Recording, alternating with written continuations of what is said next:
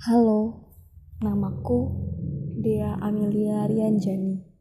Aku CPNS BPPT. Aku ingin menceritakan pengalaman pembelajaranku pada saat latihan dasar hari ini.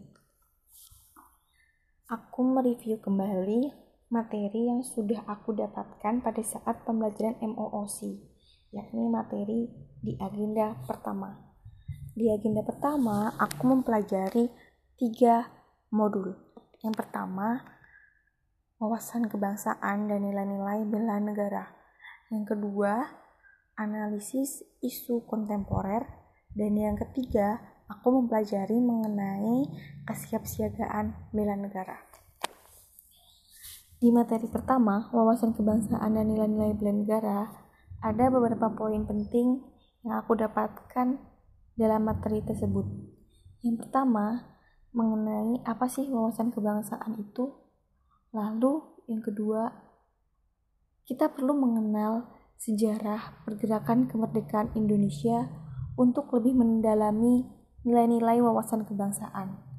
Lalu yang ketiga, belajar mengenai empat konsensus dasar negara.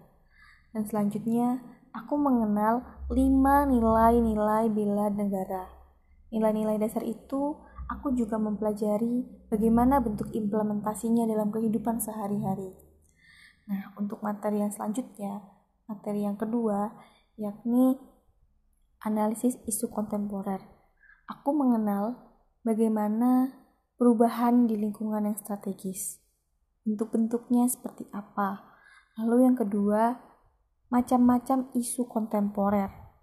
Yang ketiga, aku juga mengenal jenis-jenis isu ada tiga jenis isu.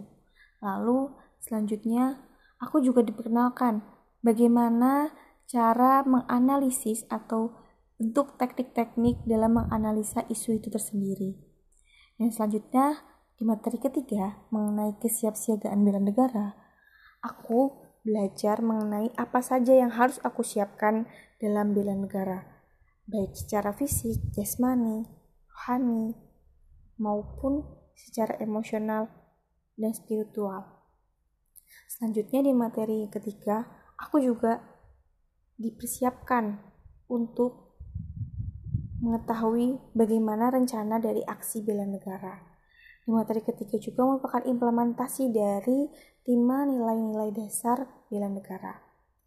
Hari ini belajarnya sangat menyenangkan karena tidak hanya mereview, tapi juga ada kuis-kuis yang membantu kami untuk memudahkan kami untuk memahami lebih dalam materi-materi yang sudah diberikan pada agenda pertama. Nah, itu pengalamanku pada pelajaran hari ini. Aku akan menceritakan kembali pengalamanku di hari kedua. Tunggu ya.